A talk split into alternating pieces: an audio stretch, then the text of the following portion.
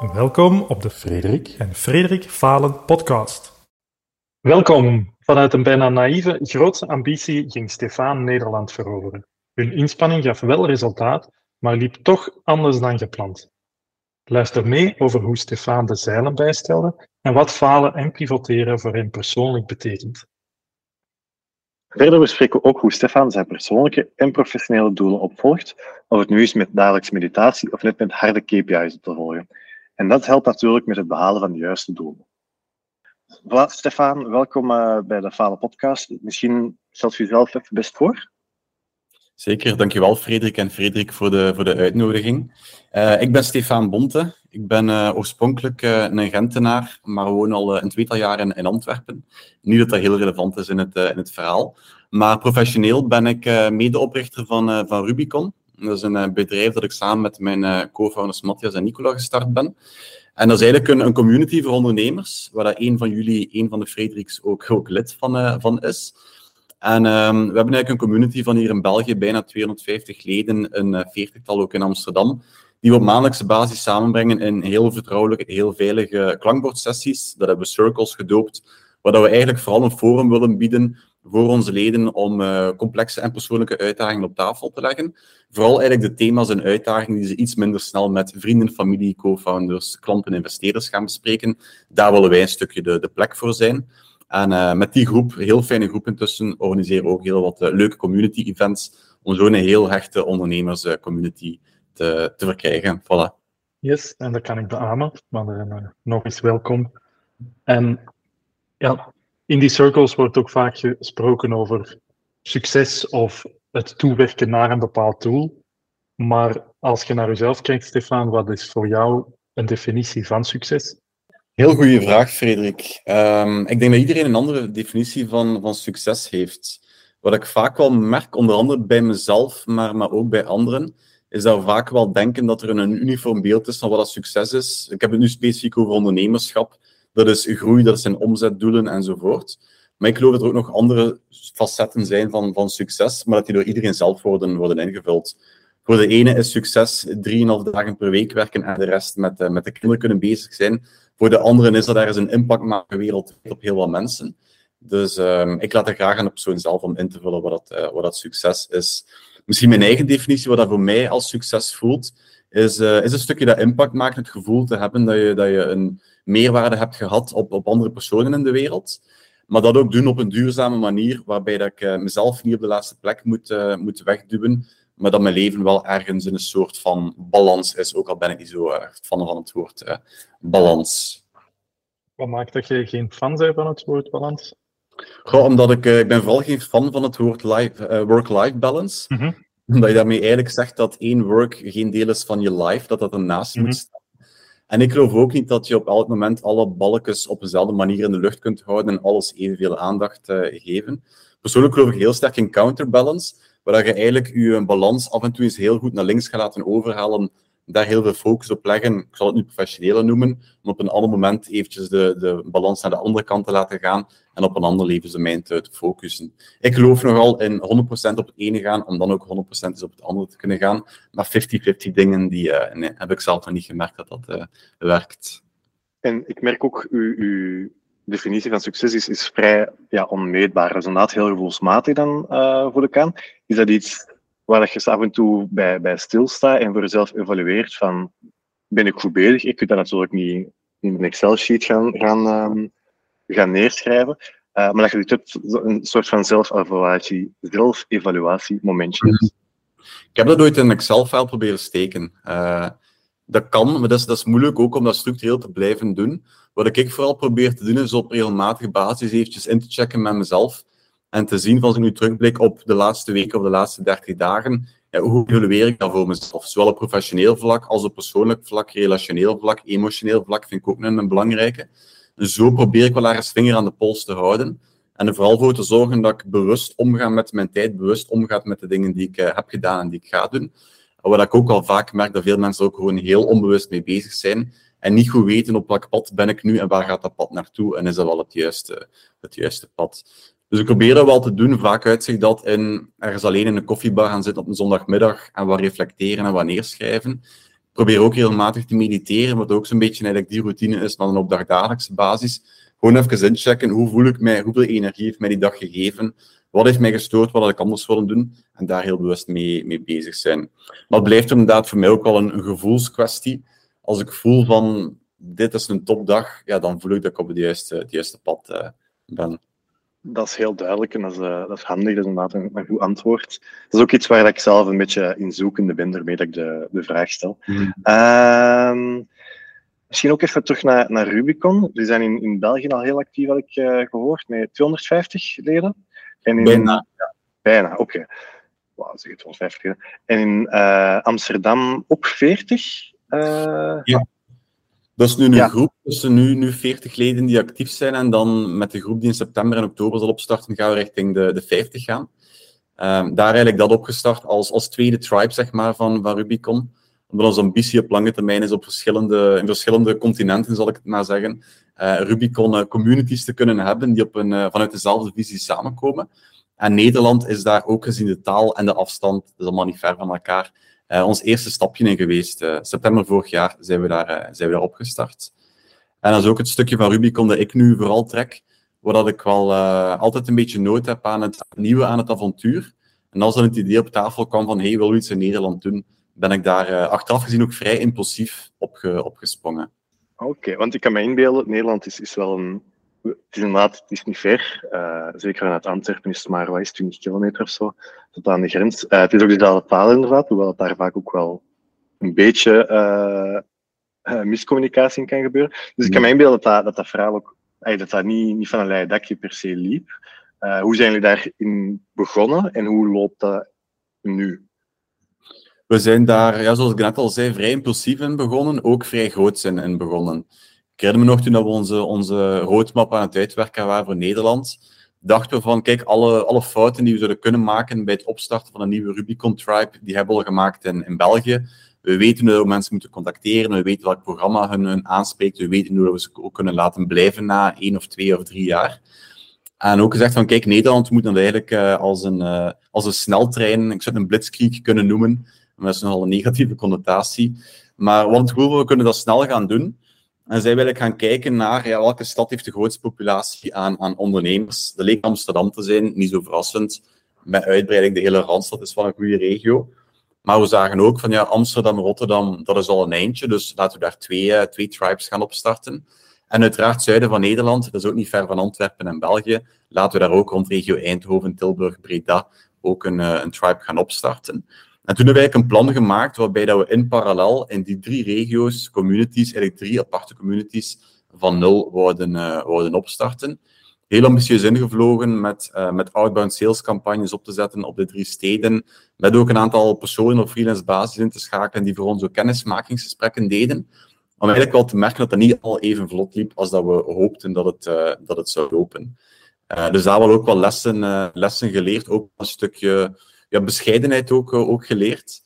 En terug beseft van uh, een community, dat hebben we in België ook gezien. Dat is persoon per persoon. Dat is één persoon zover krijgen dat hij zich ook aansluit als nummer één. Dat is een tweede persoon vinden, een derde. En pas als je drie mensen hebt, heb je eigenlijk een community, want die drie kunnen interageren met, met elkaar. Maar dat heeft tijd nodig. Dat gaat over de juiste groepsamenstelling, de juiste persoonlijkheden samenbrengen, de juiste mix van ondernemers. Niet te veel alleen maar marketing agencies, maar voldoende diverse mix. Dus dat heeft tijd nodig en wij dachten dat we die tijd ook wel konden, uh, konden hacken op dat moment. Even een, een zijsprongetje, uh, gewoon uit interesse. Uh, omdat je hier aanhaalt inderdaad van die, die, die, specifieke mix maken en zo. Heb je soms mensen dat je zegt van, oké, je hebt een gesprek ermee en dat je zegt van, oké, misschien zijn die niet gepast voor de community, dan we gaan die daar niet... Ik kan me inbeelden dat, zeker nu in Nederland, dat, dat, dat je dat van nul start, dat je dat misschien sneller aanvoelt, dat je meer mensen aanspreekt en dat je dus ook meer mensen moet afwijzen? Of hoe, hoe werkt dat dan? Ja, we zijn er ook wel een stukje op, op getraind de laatste jaren om goed in te schatten van wie zien we als een, als een match. En om, om dat te gaan valideren, dat is inderdaad een van onze meest tijdsrovende activiteiten in heel het, ik zal het nu maar het salesproces noemen. Um, we hebben een kennismakingsgesprek met mensen gewoon kort een half uurtje wat pingpongen zien van wat wij als Rubicon doen. Sluiten aan bij behoeftes die, die jij hebt als ondernemer. Um, proberen we daar ook een beetje, en uh, excuseer me voor de vloekwoorden, de, de assholes er, eruit te halen. Rubicon is een plek voor mensen die ook een ego wat aan de kant kunnen laten, die vooral ook willen geven, niet enkel ontvangen. Dus dat proberen we heel goed daar af te toetsen. En in een tweede stap nodigen ze ook altijd uit om als gast eens vrijblijvend deel te nemen aan een van onze, een van onze circles. Gewoon ook om zelf goed te ervaren, oké, dit is een circle, dit is die, die omgeving die Rubicon creëert. Is dat iets voor mij? Dan kun je van daaruit verder gaan. Maar af en toe gebeurt het ook dat iemand in een circle zegt van, dit was leuk, maar misschien niet direct waar ik op zoek ben op deze fase in mijn, in mijn leven of carrière. Dus daar proberen zo goed mogelijk die, die match, die wederzijdse match te gaan valideren, om dan die persoon ook te mogen verwelkomen in, een, uh, in de community. Dat is vaak een proces dat tussen de twee weken, soms zelfs tot twee maanden duurt.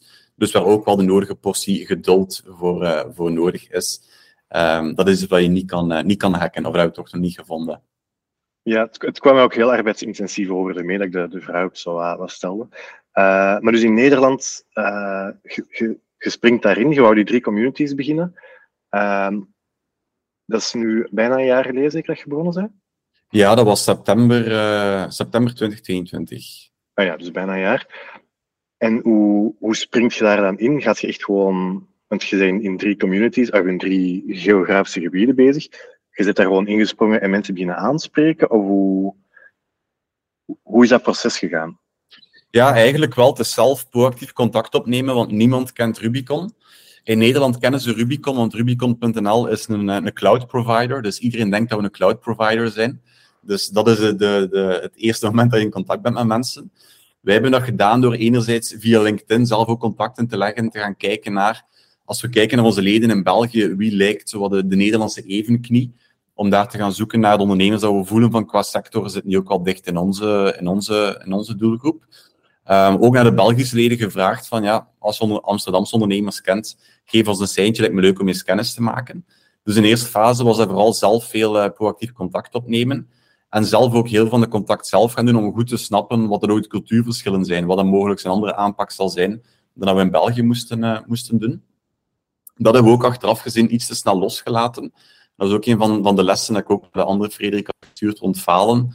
We hebben vrij snel een aantal personen uh, op het proces gezet plek de kennismakingsgesprekken deden, zodat we een grotere schaal hadden. Wat we achteraf ook hebben gemerkt dat het heel moeilijk is om iemand die eigenlijk Rubicon niet kent, het verhaal te laten doen over Rubicon naar iemand in Nederland die ook Rubicon totaal niet, uh, totaal niet kent.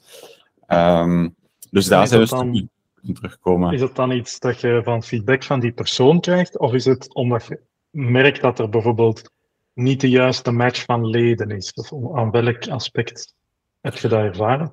We zagen dat aan, aan verschillende dingen. Eén is, we, we zijn nogal data gedreven. We meten heel sterk van als we zoveel kennismakingsgesprekken doen, hebben we zoveel mensen in een kennismakingssessie. Daarvan mhm. zal ongeveer zoveel procent lid worden. En dan merkten we ook dat de, de gesprekken die we zelf deden, dat daar de aanwezigheidsratio, dus van inschrijving naar die persoon is effectief aanwezig, dat die hoger lag. En het ook wel een stukje wegvalde als de gesprekken door iemand anders gedaan waren. Dus ik denk daar ook voor ons, Rubicon is een heel persoonlijk verhaal.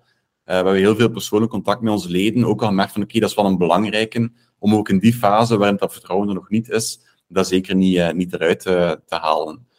Um, dus daaraan zagen we dan een stukje. Wat we ook merkten is dat de, personen in kwestie, ja, die zaten remote, ook in Nederland eigenlijk. Dus wij kennen die niet goed. Er was ook niet echt een, een goede basis van vertrouwen om een goede samenwerking op te bouwen. We hebben het ook gewoon veel te snel opgestart. We, we, hebben die mensen op een halve dag onboard dus beginnen laten bellen er heel naïef van uitgaan dat dat wel goed zou, zou lopen. Wow. en, um, je merkt dat dan op een, op een gegeven moment.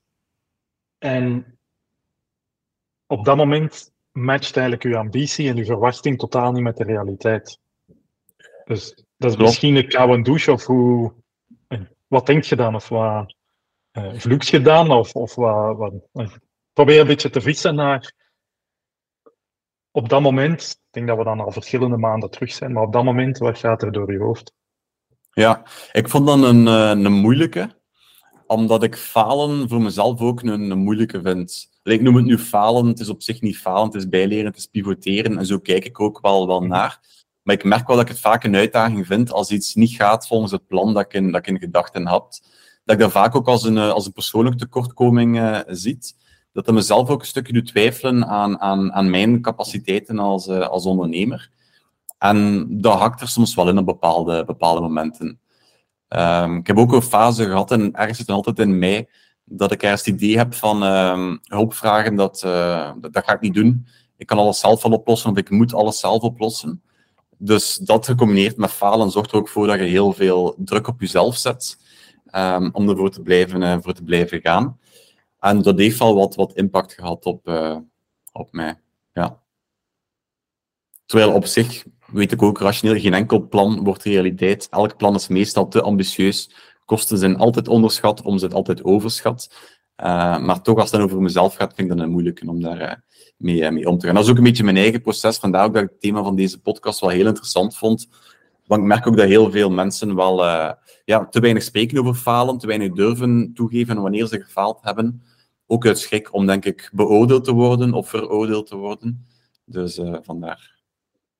Ja, het is een taboe dat we willen doorbreken met de podcast. Ja, dat is want, mooi. ik vind het wel schoon dat je zegt van het is het is wel duidelijk een tegenslag, want je hebt ergens een plan en ook een, een financiële berekening. En ja, dat klopt dan in, ineens niet, dus je moet wel serieus aanpassen, want anders uh, kan je jezelf en je bedrijf gewoon op.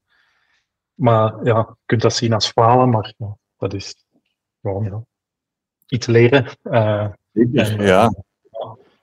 Het is een kwestie van welk, welk label erop pakt. En, en falen is een breed concept, is ook een groot, uh, groot woord eigenlijk nu terugblikkend hebben we gewoon ons plan aangepast, maar zijn we zeker niet gefaald. We zijn nog altijd actief in Nederland en de groep groeit. Dus, uh...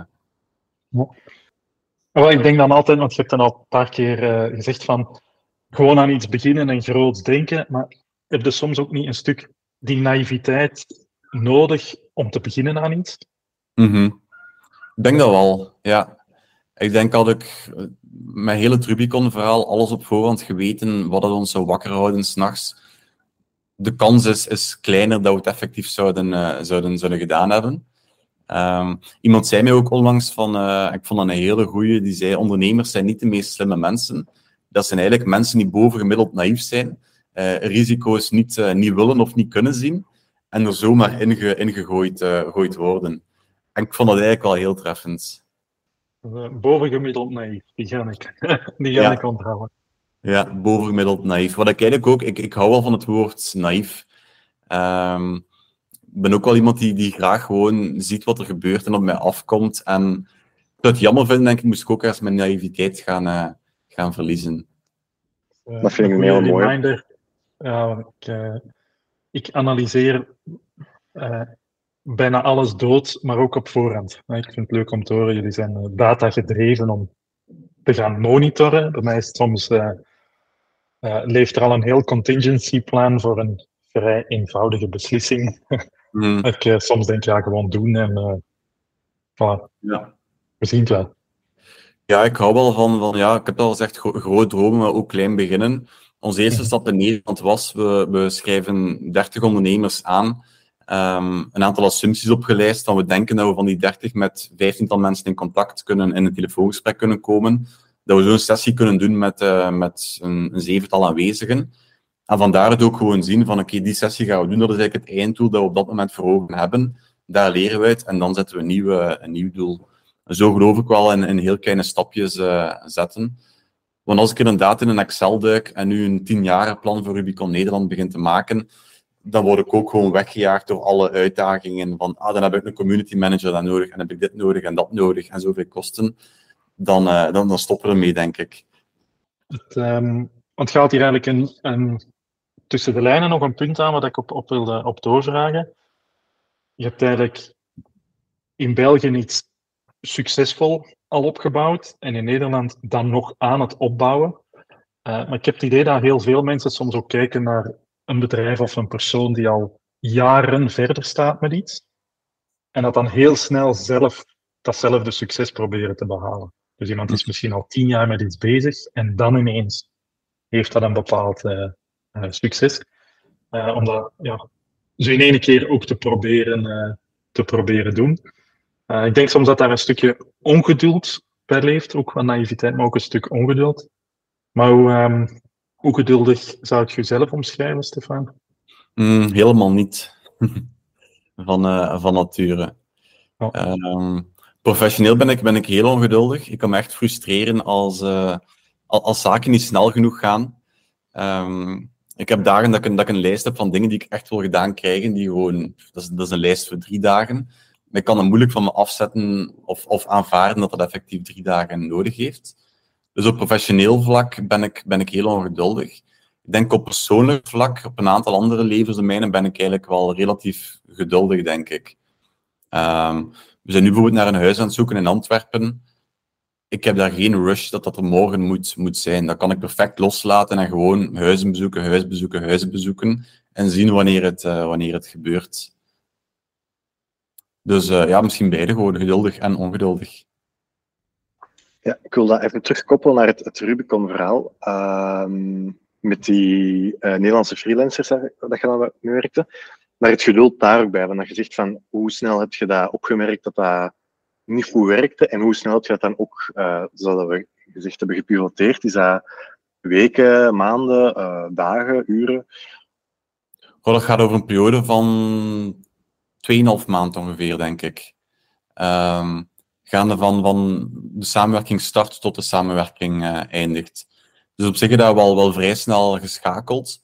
Hebben we ook al wat leergeld betaald. Maar achteraf gezien was dat ook leergeld dat iets, dat iets waard is geweest. Op vandaag doen we altijd alle kennismakingen zelf, omdat we beseffen dat, zeker in de eerste fase, die persoonlijke klikken een hele belangrijke is. Um, hadden we toen die fout, of die fout, ja, die, die, die learning niet gehad, hadden we misschien nu sneller gezegd dat we het nu zouden gaan uitbesteden en misschien later, wanneer dat de impact veel groter zou zijn en je meer geld zou uitgeven, um, zou dat misschien gebeurd zijn. Dus op zich ben ik wel, als ik terugkijk naar het laatste jaar dat we nu actief zijn, is eigenlijk wel 80% een, een topjaar geweest, waar we al een aantal dingen bewezen hebben.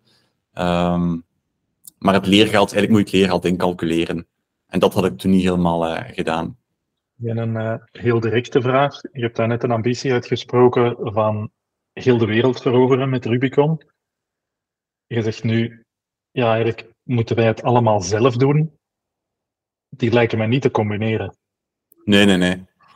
Nee, het idee dat ik nu, nu voor ogen heb, is een soort van, uh, je zou het een McDonald's-model kunnen, uh, kunnen noemen.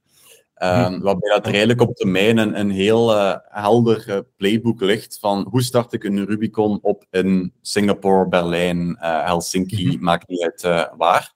Wat we nu, en dat is ook een beetje mijn eigen de journey van, van dit jaar, is van hoe ziet die roadmap eruit dat gewoon echt gaan testen door het in Amsterdam te gaan doen van maand 1 tot maand 6 is een incubatietijd, wordt er uh, gefinancierd vanuit de Rubicon Mothership of Rubicon België op dit moment.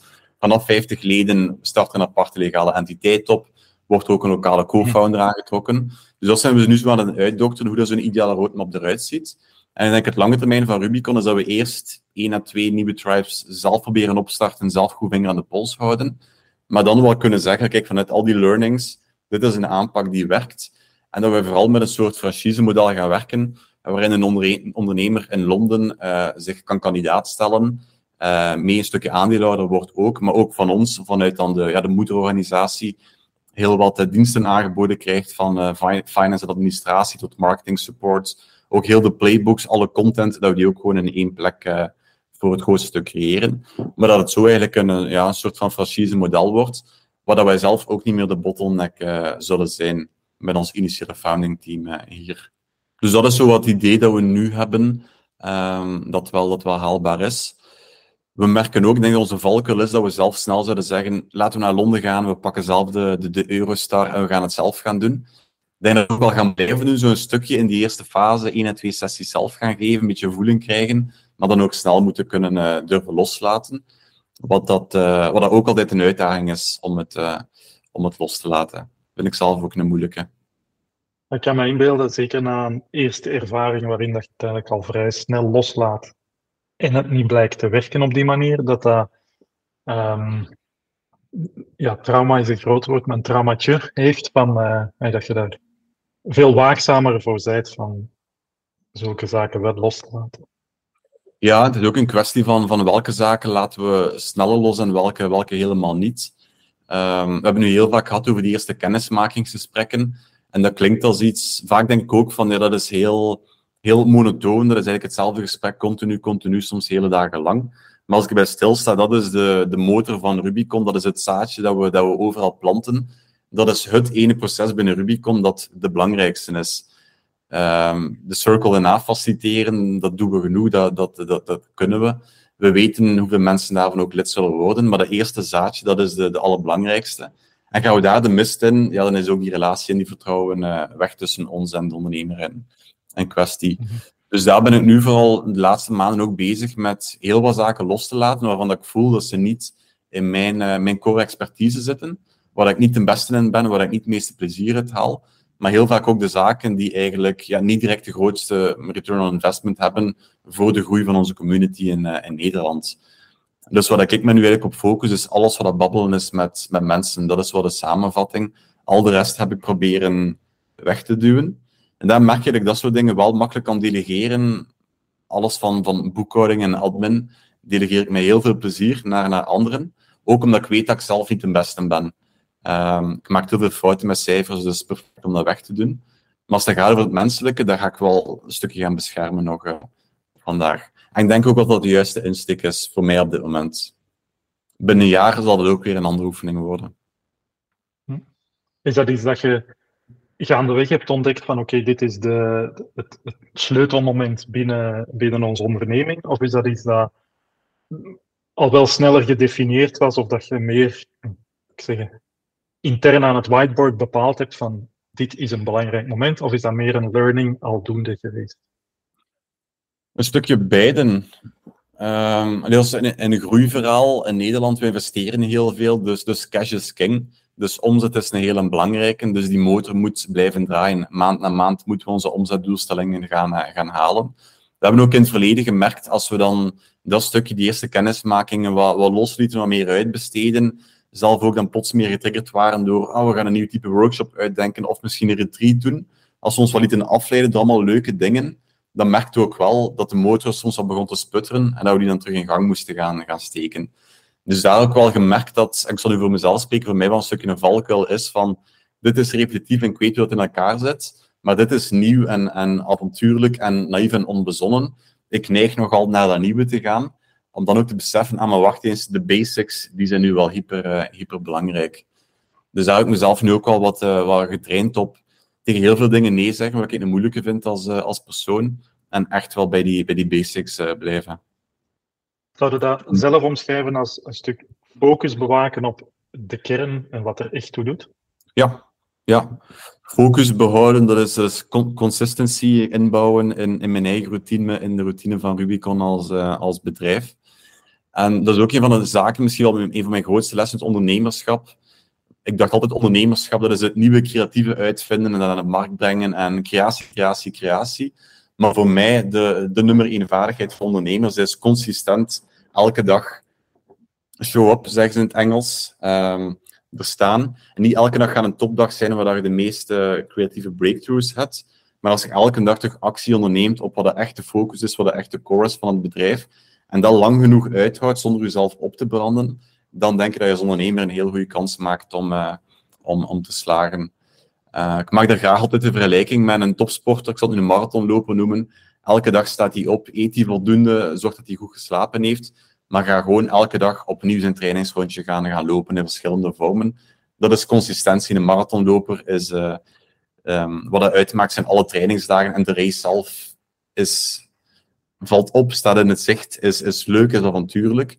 Maar het is die consistentie, zowel als het regent, als de zon schijnt, als je niet goed geslapen hebt, er gewoon staan en uh, doen wat, het, wat je moet doen. Daar merk ik bij mezelf wel dat ik uh, wel micro-succesjes, kleine succesjes gaandeweg moet ervaren. Ja. Want, uh, is dat, dat iets wat je zelf ook ervaart en eventueel ook, ook bewust naar op zoek gaat van bepaalde dingen te meten of ja. bewust zijn voor? Ja, vroeger, nu doen we meer en meer. Ook dankzij Gilles, die nu onze general manager is en uh, heel wat dashboards op een heel verfijnd niveau heeft uitgewerkt. Maar bijvoorbeeld vroeger wisten we, dit kwartaal willen we uh, eh, 100 inschrijvingen in onze kennismakingssessies. 100 is een groot cijfer. Als ik in de eerste week er, uh, er vier inschrijf, denk ik, oké, vier inschrijvingen. Maar ik heb geen idee, gevoelsmatig, op hoeveel procent van mijn doel dat ik, dat ik zit. Wat we nu zijn beginnen doen, is elke week hebben we per persoon een, eh, een target vastgelegd. Van kijk, dit is het aantal inschrijvingen dat we elk, willen hebben. Waardoor ik ook weet op maandag, dit is wat ik deze week wil doen, wat ik moet doen. En daar heel bewust op kan gaan, uh, kan gaan sturen. En, en dat ook gaan vieren. Ik ben ook een redelijk competitief persoon. Dus ik vind dan ook leuk dat ik en Gilles allebei een target van vijf personen zeggen. En dat we op maandag afspreken van één, wie gaat daar snel zitten deze week? Twee, hoe kunnen we dat gaan overshooten? Wat kunnen we extra gaan doen om boven die tien per, eh, per week te gaan gaan? Dus dat vind ik ook wel leuk om mee, mee te spelen, maar altijd wel bewust te blijven van het realistisch te houden. Ik heb in het verleden ook de fout gehad van, uh, we gingen tien inschrijvingen per week doen, we hadden er vijf gehaald, dat ik zei van, kom, volgende week, we gaan voor twintig, we gaan een keer volle gas gaan geven, om dan ook gewoon soms absurd hoge of onrealistische targets te zetten, die dan ook wel niet motiveren uh, voor, voor, voor anderen. Dus daar probeer ik nu wat de balans in te gaan, uh, te gaan zoeken. Maar ook gewoon vieren met, met kleine dingen. Um, als iemand nieuw aansluit, heel vaak weinig mensen weten dat, maar ik zet dan zo'n technoliedje op hier in mijn woonkamer en doe af en toe een keer een marginaal dansje als niemand, als niemand kijkt. Gewoon kleine, kleine dingen, bewust blijven. Dat vind ik wel een leuke, dat ik altijd wel heel blij kan zijn met elke nieuwe persoon die, er, die erbij komt ook een soort van dopamine shot, denk ik. Dus moet ik ook wel misschien een beetje voor oppassen. Maar um, dat geeft wel oprecht voldoening. Ja, ik vind dat wel mooi. Ah. Want ik, uh, het, uh, omdat ik, als ik naar mezelf kijk en even het voorbeeld overneem, dan zou ik wachten met vieren, of vroeger, gewacht hebben met vieren totdat we eindelijk die 100 hebben. Mm -hmm. In plaats van gewoon bij 1 en 2 en 3 en 4 continu te, uh, ja. te vieren de, de 100 is ook een, uh, een lagging KPI. Ik weet niet of je dat verschil kent tussen leading KPI's en, en lagging KPI's. Ah, nee, nee. Die, die, dat is ook wel een die mij veel heeft gebracht. Die 100, dat is een, dat is een eindresultaat waar dat ik eigenlijk geen 100 um, controle over, uh, over heb. Um, dus 100 inschrijven in een kennismakingssessie kan dat gaan impacteren, maar kan dat niet gaan controleren. Wat ik wel kan controleren is hoeveel mensen ga ik opbellen, zodat ik de hoogste kans heb om die 100 te gaan, uh, te gaan bereiken. Als ik zeg van ik ga dit, kwartaal 200 mensen bellen en we gaan dat als team doen, dan kan ik effectief controleren dat ik 200 keer een nummer heb ingetypt, op groen telefoontje heb gedrukt en die call heb gedaan. Wat uit die call komt, statistiek kan mij zeggen dat 50% daarvan ook ingeschreven zal zijn. Dus de kans is vrij hoog. Maar ik heb geen controle op dat de match tussen mij en de persoon aan de andere kant van de lijn er gaat, uh, gaat zijn. Dus daardoor ben ik ook meer aan mijn focussen op hoeveel gesprekken wil ik hebben deze week, hoeveel offertes willen we uitsturen, hoeveel uh, LinkedIn-posts wil ik zelf gedaan hebben om wat awareness te gaan creëren. En ook dat durven vieren. Ook al komt er nog geen resultaat uit, probeer ik ook te vieren van ik heb consistent gedaan wat ik weet wat ik moet doen. Dus dit is op zich een goede week. Komt er niets uit, dat is, dat is jammer, maar ik weet wel dat ik het juiste proces heb gevolgd om de juiste, resultaten te halen. En als ik dit week na week consistent aanhoud, moet kunnen vertrouwen in onze historiek en onze statistiek dat dit wel de juiste richting gaat, uh, gaat uitgaan. Even terug naar, uh, het is eigenlijk inderdaad ook op, op deze, uh, wat je net zei, is naar hoe bepaalt je die, die, wel, die grote doelen, dat, kan me inbeelden dat dat inderdaad een, heel, uh, heel team is en dat dat wel vrij duidelijk is wat je moet bereiken op het einde van het jaar. Maar die microdoelen, en omdat je inderdaad ook aanhaalde van, hey, dat moet realistisch blijven, je mocht dat niet te groot maken, want dat werkt ook niet motiverend, maar je moet natuurlijk ook wel een beetje een challenge hebben. Um, heb je daar een proces voor dat je zegt van, oké, dit is hoe dat we dat eigenlijk aanpakken. Uh, dit hoe we testen. Van overshoot je, zet je soms bijvoorbeeld een te groot doel en schroef je het dan terug. Of een laag doel en merk je van oké, dat is gemakkelijk, we gaan dat uh, beginnen uh, uh, te verhogen. Of hoe, hoe verloopt dat, dat proces van die, van die doelstelling? Historisch gezien hebben we altijd de grote doelen gesteld.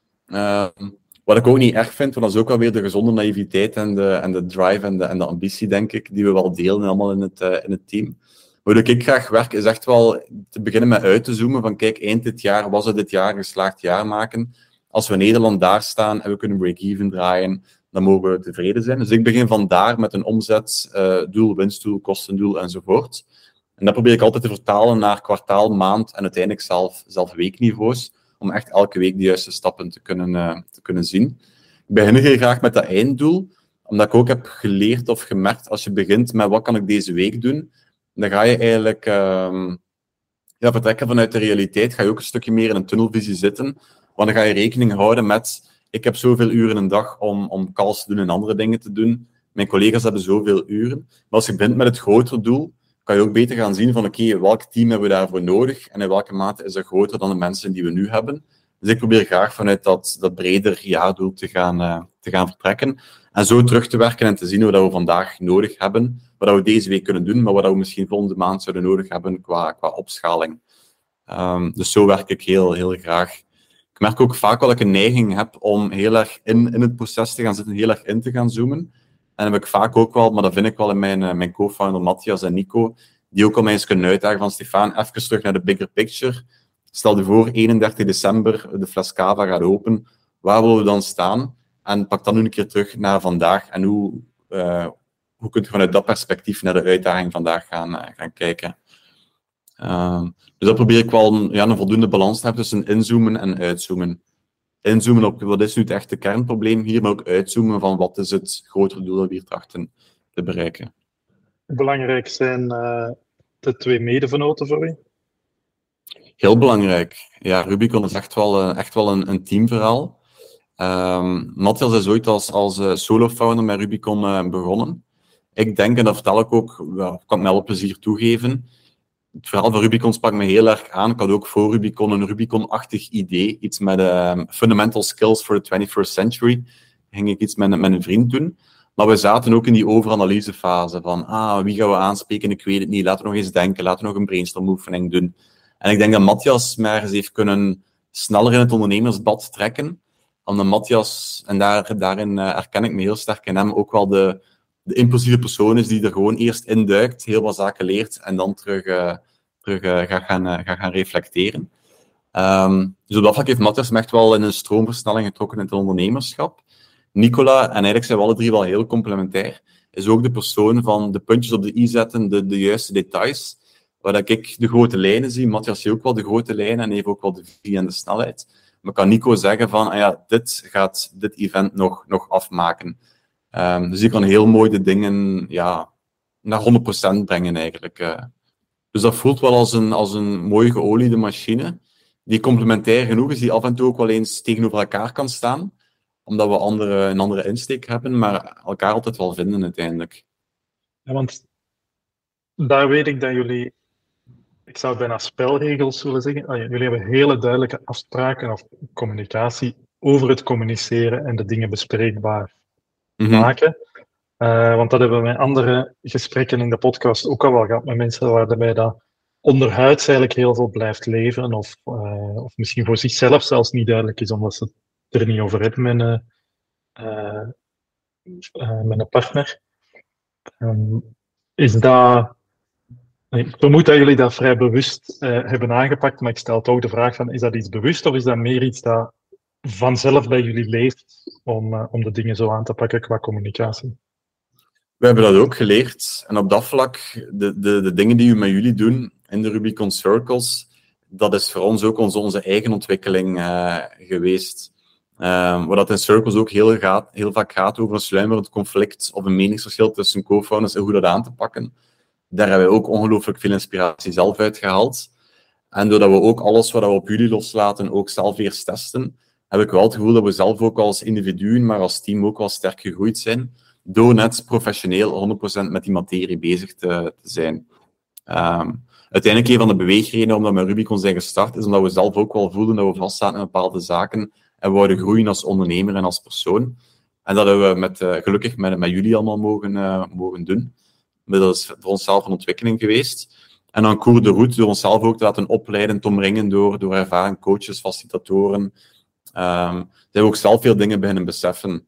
Um, ook de sessie rond groepsdynamica die we in juni hadden, we hebben die eerst met ons eigen team gedaan. Om daar ook te merken van, oké, hier spelen ook heel veel processen in deze groep. En laten we die ook eens bespreekbaar maken.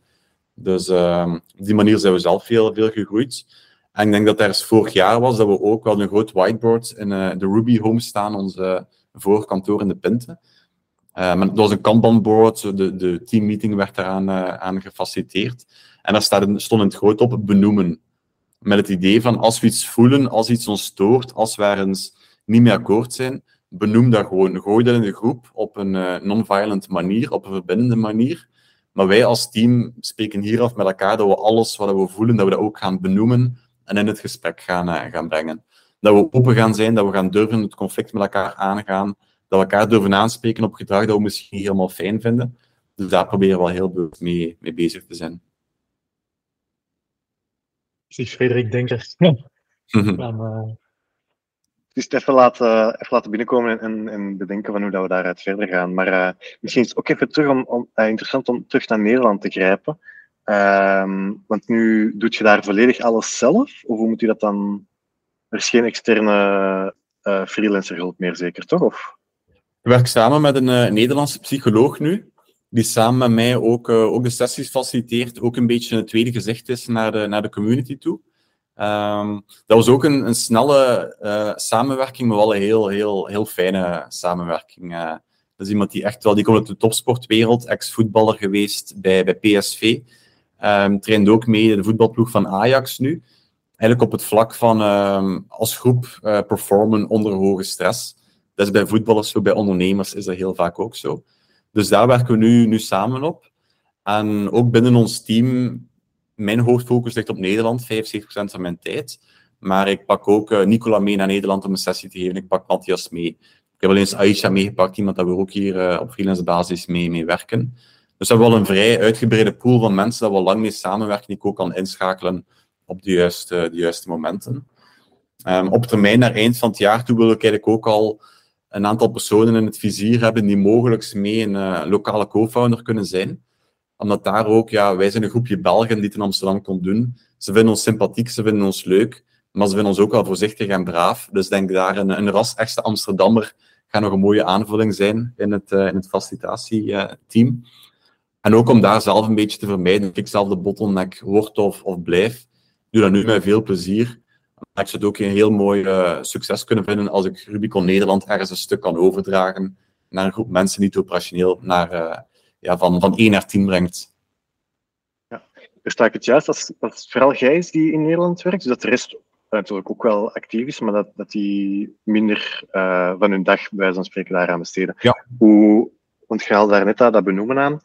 Voor mij is het al, al ik zou het moeilijk hebben met um, het verhaal van uit Nederland, bijvoorbeeld uw ervaring vanuit Nederland, naar uw collega's te uit, uh, communiceren, omdat die waarschijnlijk ja, misschien heel veel context missen, of, of is daar een soort van vaste opvolging voor, of hoe pak je het aan dat dat benoemen dan um, toch vlot verloopt, ook al is dat misschien buiten hun, hun zichtsveld? Ja, wel Nederland is, het is een aparte PNL, een aparte vennootschap ook intussen. Maar eigenlijk um, de vooruitgang daar volledig verwerkt in onze, in onze interne meetingstructuur. Uh, we hebben een, een, wekelijkse sync rond, rond growth, dus alles wat de groei is van de community. Daar hebben we een vast agendablok België, vast Nederland, waar we elkaar updates geven, waar we elkaar uh, samen problemen oplossen. Dus dat behandelen we ook als, als één geheel. Ook qua inhouds, eigenlijk uh, werken we alle inhouds, inhoudelijke workshops hieruit in België, om die dan ook in Nederland te gaan, uh, te gaan deliveren. Dus eigenlijk is dat wel in praktijk één geoliede machine het enige verschil is in welke stad het, uh, stad het gebeurt. En de processen die we volgen zijn eigenlijk ook helemaal hetzelfde in België als in, als in Nederland. Dus ook daar hebben de cultuurverschillen niet zo'n grote impact uh, gehad op vandaag.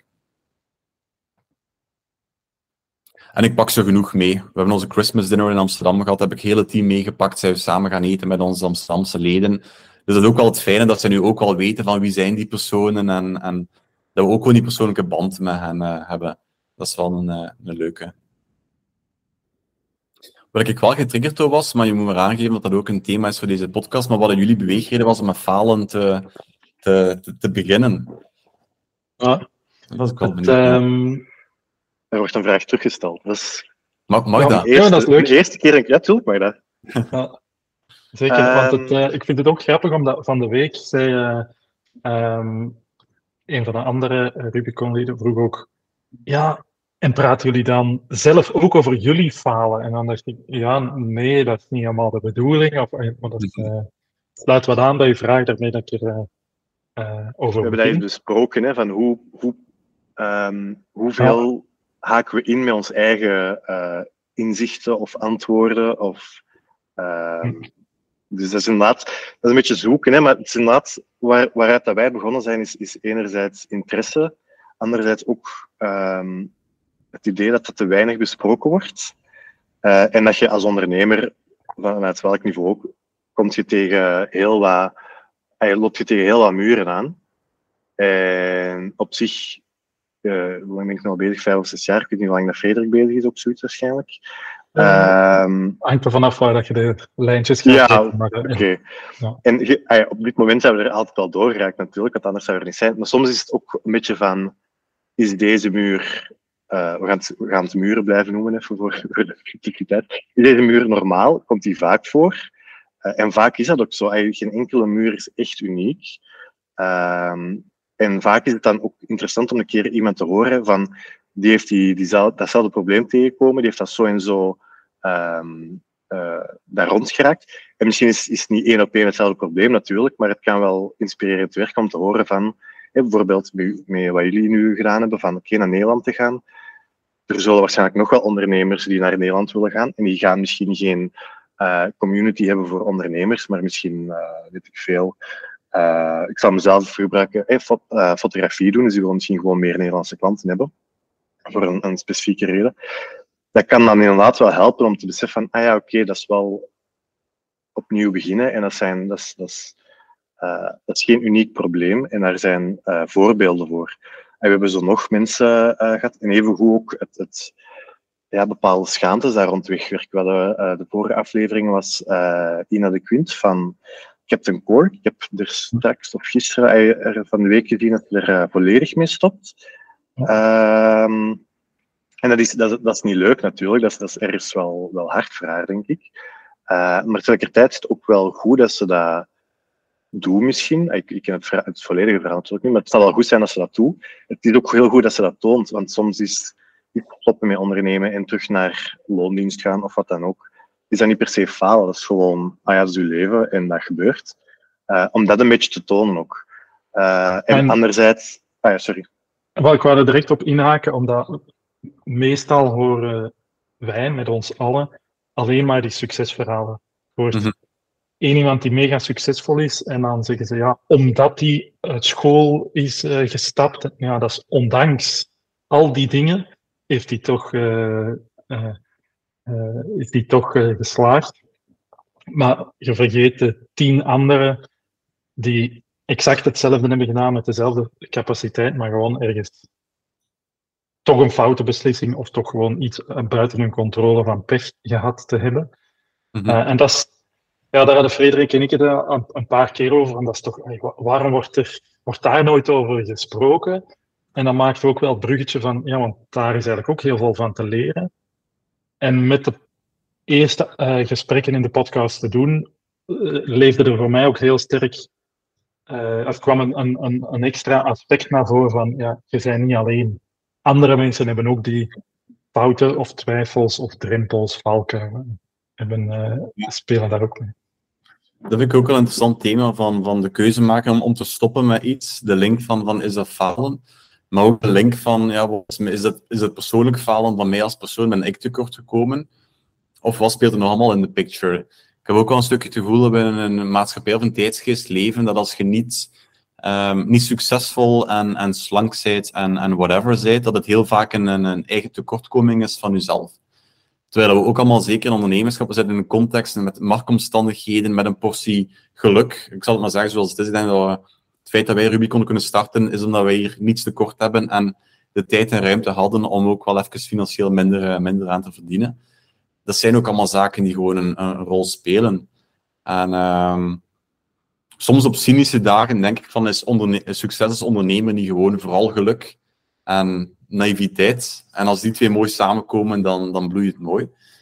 Maar ik denk dat we zelf vaak veel druk opleggen, op kwalijk nemen als het, als het niet lukt. En ik denk dat iedereen ook wel als ondernemer af en toe denkt aan, aan stoppen. Ik heb ook dagen gehad dat ik dacht van, hiervoor was ik freelancer, mooie dagfee, geen verantwoordelijkheden, eh, gewoon slides, uh, slides maken.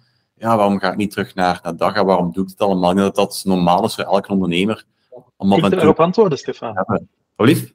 Kun je daarop antwoorden? Waarom zouden niet simpel uh, ja, uurtje, factuurtje of dagfee en waarom, uh, waarom is, is dat voor u en waarom is de keuze voor u Rubicon, wat, als ik het voor u veel meer moeite toch kost, of meer mhm. risico mm -hmm. of, uh, uh, tegenover de consultancy? Het is een goede vraag. Soms weet ik daar zelf niet het antwoord Mhm. op. Wat ik wel weet, is dat ik in mijn consultatiedagen beter sliep, meer vrije tijd had, eh, meer, kon, meer kon sparen. En dat was allemaal mooie, mooie dingen. Ik denk wat voor mij nu echt de, echt de moeite waard maakt, is één, het gevoel van impact te hebben. Ehm, ik ben altijd een, een meerwaardezoeker geweest. Ik ben een criminoloog van opleiding, dus ik ging eh, maatschappelijk werker worden. Ik heb dat niet gedaan, maar dit voelt ook ergens aan van ik kan een positieve impact hebben, hoe klein ook, op, op mensen hun leven. Dat is wat dat mij s ochtends uit mijn bed jaagt en me s'avonds goed laat, eh, laat slapen. Maar ik denk misschien ten tweede, vooral het ondernemen is, een rollercoaster, waarin dat, eh, de downs heel, heel diep kunnen zijn. En het is in de downs dat je denkt van, ging het maar terug naar mijn veilige omgeving, dat is allemaal oké. Langs de kant, als ik daaraan terugdenk, herinner ik mij ook dat ik het mij een stukje afgevlakt voelde. Ehm, dat het leven voor mij niet spannend genoeg was. eh, dat ik niet 100% gelukkig was. En dat ik nu voel in die rollercoaster, ja, de putten zijn, zijn dieper, maar de highs zijn ook veel hoger. En ik voel ik op een veel intensere manier in het, in het leven sta. Ehm, een beetje de emotionele rollercoaster. Dat ik meer geluk voel, maar ook meer angst misschien voel, of zelf woede voel op bepaalde momenten. En dat ik een meer uitgebreid emotioneel spectrum heb, ontwikkeld. En dat vind ik wel leuk, omdat dat mij het gevoel geeft dat ik, dat ik het leven ten volle aan het, eh, aan het leiden ben. Ehm, ten tweede, gewoon qua persoonlijke ontwikkeling, is dit voor mij een soort van eh, personal MBA on, eh, on steroids geweest tot, tot nu toe. Ik heb meer over mezelf geleerd dan over een businessmodel in elkaar steken de laatste, de laatste jaren. Ik denk dat ik door het ondernemen, ik had aan mijn vriendin moeten vragen, ik hoop dat ze hetzelfde antwoordt, maar dat ik misschien ook een, een beter en, en empathischer partner ben geworden dan dat ik ervoor was. Alhoewel natuurlijk ook wat downsides op onze relatie heeft, dat ik ja, iets minder vrije tijd heb dan dat ik vroeger zou, zou gehad hebben. Maar als ik alles optel, de, de baten overstijgen nog, nog de kosten op dit moment. Ja. Oh, nee, merci om te delen. En ik ook gewoon antwoord. wat je eigenlijk ook gewoon een stukje goesting te doen als, als ondernemer. Dat is ook wel heel waardevol, die, eh, die vrijheid. Die vrijheid die ook wel vaak kan omstaan in een gevoel van vast te zitten in je bedrijf. Dat doe ik ook heel vaak van, ik ben ondernemer geworden om vrij te zijn, maar nu word ik hier geleefd door mijn klanten en door mijn team. Dat is ook een andere, een andere slinger die er kan, eh, kan in zitten. Is, eh, je je haalde net al het, eh, het eh, zelfdevelopment aan. Een van mijn favoriete vragen eh, naar het einde van de podcast toe is altijd: heb je een, een boek of een andere resource? We beginnen hier altijd boeken, maar dat mag eerst een podcast zijn, een YouTube-filmpje, een, een fictiefilm zelfs. Dat je zegt van, oké, dit is eigenlijk echt iets dat ik, dat ik wil aanraden. Dat moet niet per se eh, echt een, een, een self-development boek zijn. Dat kan even hoe de Barbie-film zijn, weet ik veel. Maar dat je zegt van, deze heeft wel mij iets geleerd of, of een impact op mij gehad. En dat, dat kan ik wel aanraden om eens uh, minstens te bekijken. Ja, wel, ik heb één die ik nu aan het lezen ben. En volgens mij ligt hij hier en ik denk dat jullie heel blij gaan zijn. Hij ligt in mijn slaapkamer, maar dat is een boek van de School of Life. Ik weet niet of je die kent. Uh, een heel filosofisch boek, maar een boek heet On Failure. En dat is eigenlijk een boek met een aantal filosofische beschouwingen over, over falen. Wat het dat betekent, wat het dat doet met mensen, hoe de mensen daarmee mee omgaan. En ik zit nu, ik zit in een kwart, denk ik. En ik ben hem terug beginnen lezen toen, dat, uh, toen ik met jullie over de podcast bezig was. Maar dat is wel één, heel de, de range van School of Life ben ik echt wel, uh, wel, wel fan van. En ook een heel mooi naslagwerk over emotionele intelligentie, ook over minimalisme, a simple uh, life. Maar denk gezien het thema van deze podcast, On Failure, lijkt me wel een leuke om naar jullie leden eens te, te brengen. Of jullie luisteren. Ja, ik ken hem nog niet. Het probleem is dat als ik hier een boek aangeraden krijg, dat ik die ook altijd koop. maar dus dat komt... Uh, ik, ga hem, uh, ik ga hem zeker kopen en dat klinkt alvast interessant. Uh, voilà. En dan misschien nu naar um, de voorlaatste vraag. Dat is meestal uh, Frederiks uh, yes. vraag ook wel. De chefronde. Welke drie dingen hebben we vandaag geleerd? Moet ik die beantwoorden of moeten jullie die beantwoorden? Ja, nee. Dan moet jij nog eens in drie bullet points zeggen van uit al hetgeen dat we nu besproken hebben, wat zijn voor u de drie uh, dingen dat je zelf hebt geleerd of dingen dat je uh, aan de luisteraars wilt meegeven? Ja, misschien de eerste is zo wat ontstaan tijdens het gesprek. Dat, uh, dat, dat falen misschien niet altijd falen is. ik zei tegen Frederik, ik ga een verhaal brengen over dat we in het begin gefaald waren in Nederland, maar we zijn daar helemaal niet gefaald. We hebben gewoon geleerd, leergeld betaald, gepivoteerd. Dus ik zou ook misschien een stukje, wat ik zelf geleerd is, is oppassen wanneer dat ik zeg dat ik gefaald ben en wanneer dat ik gewoon aan het leren ben. Misschien dat we te veel zeggen dat we aan het falen zijn. Dus dat is zoiets dat nu vooral bij mij blijft, uh, blijft, blijft hangen. Um, tweede, ik was wel getriggerd over het laatste stukje dat we ook bezig waren over stoppen en falen en wanneer zeg je van ik, ik stop ermee en, en wanneer niet. Dat dat wel een thema is dat, uh, ja, dat ik echt wel meer over zou willen weten ook. Van op welke manier hebben mensen een beslissing gemaakt om iets, om iets te stoppen? Wanneer stop je? Wanneer zeg je van dit is de, dit is de grens? Daar is ook een goed boek over de tipping points um, van Seth Godin, nog een aanrader misschien, die ik er toch even bij pakken, want daar stond een mooie curve in wanneer de mensen idealiter stoppen met, uh, met iets. Maar ik vind het ook een hele moeilijke, en zeker met alle um, uh, sunk costs, zoals ze het economisch noemen. Ja, wanneer maak je een beslissing om iets te stoppen en wanneer niet? En wanneer is het waanzin om door te gaan, maar wanneer is het ook waanzin om te stoppen? Dus dat vind ik wel, dus ik ga meer over kunnen, uh, kunnen leren of kunnen spreken. Dat is mijn tweede, zeer een, een vraag. Um, dan moet ik nog een derde vinden. Daar moet ik eventjes over nadenken. Ik heb, um, als ik kan uh, uh, in een richting duwen, wel onthouden van de eindtool, is niet echt een KPI, KPI, dat is een, een eindtool en daar heb je geen 100% controle over, maar je hebt wel controle over je dagelijkse acties richting mm -hmm. dat doel. Dus het, uh, voor mij het sluit een beetje aan bij het loslaten en ja, ook wel je commitment nemen over wat er toe doet. Mm -hmm. Ja, dat is een, dat is een mooie. Ja, ik zou er misschien nog, nog als ik een beetje eraan gelinkt ook, maar heel het stuk rond, rond, rond consistentie. Um, je moet niet enkel ervoor gaan als je 100% in vorm bent en alles goed zit, maar ook gewoon komen opdagen, ook op de dagen dat het, dat het minder gaat, dat je niet hebt geslapen, dat je volledig gestrest bent. Gewoon komen opdagen, je ding doen, niet verwachten dat het perfect gaat zijn, maar gewoon elke dag er, uh, er staan. Dat zou ik misschien nog, nog, uh, nog toevoegen. Nee, merci. En uh, voor mensen die meer over Stefan en misschien over Rubicon willen weten, waar kunnen ze jou het beste volgen of vinden of contacteren? Wel, ik heb een TikTok-kanaal waar ik op dans, dus daar kan je mijn dansjes uh, zien. Nee, ik heb, uh, ik heb wel TikTok, maar ik, heb, ik zit er zelf niet zo actief op. Um, nee, LinkedIn, Stefan Bonte vind je me terug. Rubicon vind je ook op LinkedIn. Op Instagram ook gewoon Stefan Bonte of Hello Rubicon is het op Instagram. En misschien onze website is www.hellorubicon.com. .be of .nl gaan ook, maar die gaan allemaal mooi naar dezelfde, dezelfde website. Ja.